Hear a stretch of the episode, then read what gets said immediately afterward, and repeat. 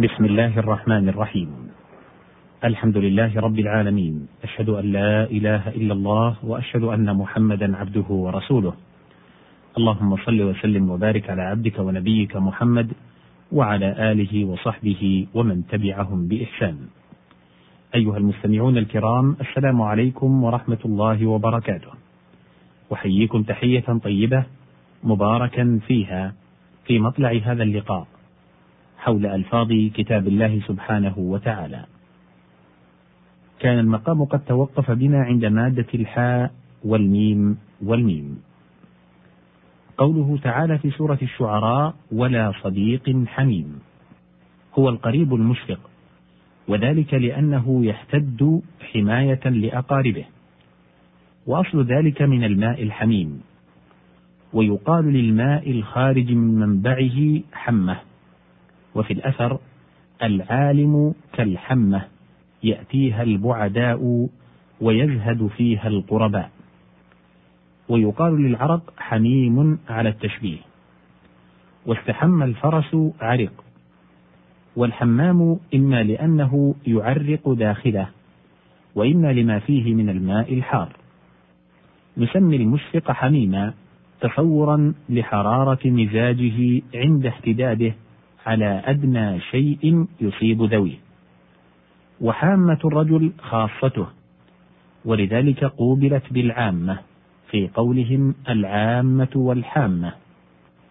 ويقال لحامة الرجل حزانته أي الذين يحزنون له. واحتم لفلان احتد له وهو أبلغ من اهتم. وأحم الشحم أذابه أي جعله كالحميم. وأحمت الحاجة أي أهمت ولزمت فهي محمة. ومنه الحديث إنا جئناك في غير محمة. وفي الحديث أيضا عند حمة النهضات أي شدتها قوله سبحانه في سورة الواقعة وظل من يحموم. هو يفعول من معنى الحميم وهو الحار. وقيل هو دخان جهنم لشدة سواده. وتسميته بذلك إما لما فيه من فرق الحرارة كما فسره في قوله لا بارد ولا كريم أو لما تصور فيه من الحممة وهي شديدة السواد مما حرق من الحطب وهو الفحم الواحدة حممة كما أن واحد الفحم فحمة. وإلى هذا المعنى أشار بقوله عنهم من فوقهم ظلل من النار ومن تحتهم ظلل. والموت الحمام لأنه من حمى الأمر أي قدر. والحمى سميت بذلك إما لما فيها من الحرارة المفرطة. وعلى ذلك قوله عليه الصلاة والسلام الحمى من فيح جهنم. وإما لما يعرض فيها من الحميم أي العرق. وإما لكونها من أمارات الحمام لقولهم الحمى بريد الموت. وحمم الفرخ اسود جلده من الريش وحمم وجهه اسود شعره.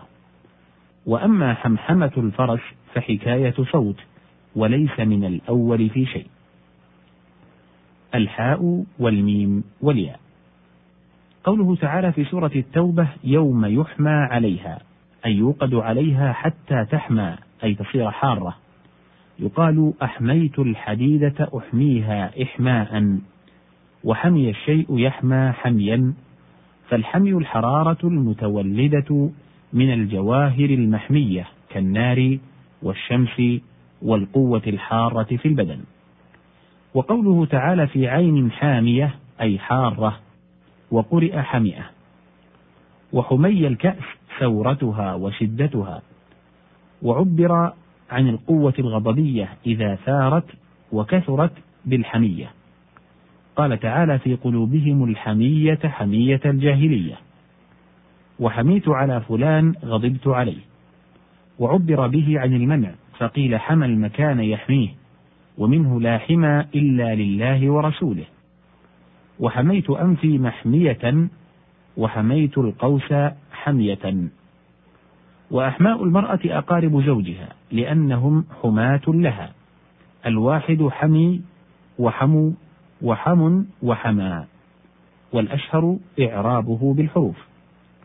وقال الشافعي في قوله صلى الله عليه وسلم لا حمى إلا لله ورسوله كان الشريف في الجاهلية إذا نزل أرضا أو بلدا استعوى كلبا فحمى لصاحبه مدى عواء الكلب لا يشركه فيه غيره وهو يشارك غيره في المرعى فقال عليه الصلاة والسلام لا حمى إلا لله أي لخير الجهاد وإبله التي تحمل عليها أثقال المجاهدين. الحاء والنون والثاء. قوله تعالى في سورة الواقعة يصرون على الحنث العظيم. الحنث اسم للذنب وهو هنا الكفر لأنه أعظم الآثام والذنوب.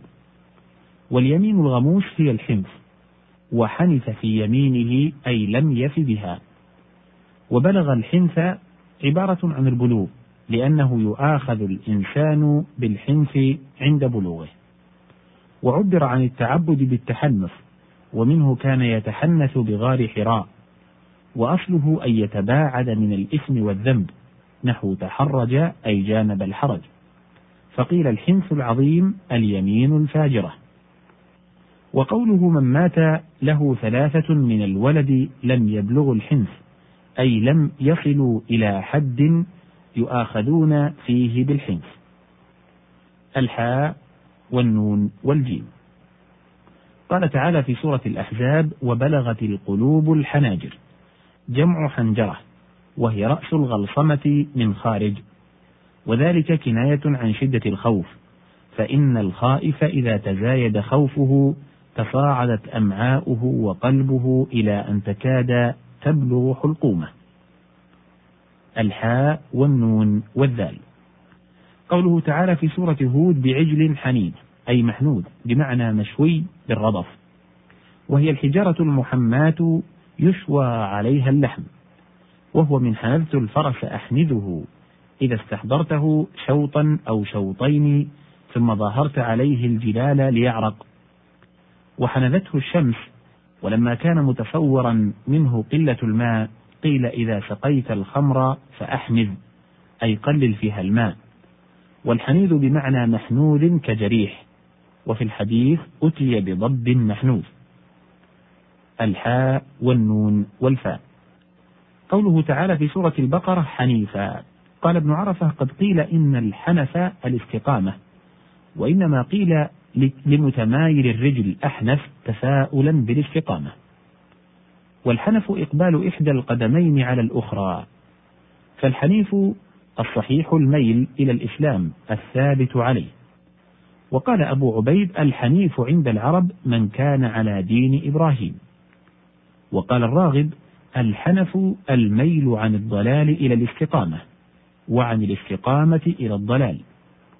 والحنيف المائل إلى ذلك. قال تعالى أمة قانتا لله حنيفا. وجمعه حنفاء. وتحنف فلان تحرى طريق الاستقامة. وكل من اختتن أو حج سمته العرب حنيفا تنبيها أنه على ملة إبراهيم. فالحنف عنده مجرد الميل إلا أنه غلب في الميل إلى الإسلام وإلى طريق الخير. هنا نقف بنهاية هذه المادة. على وعد بإذن الله.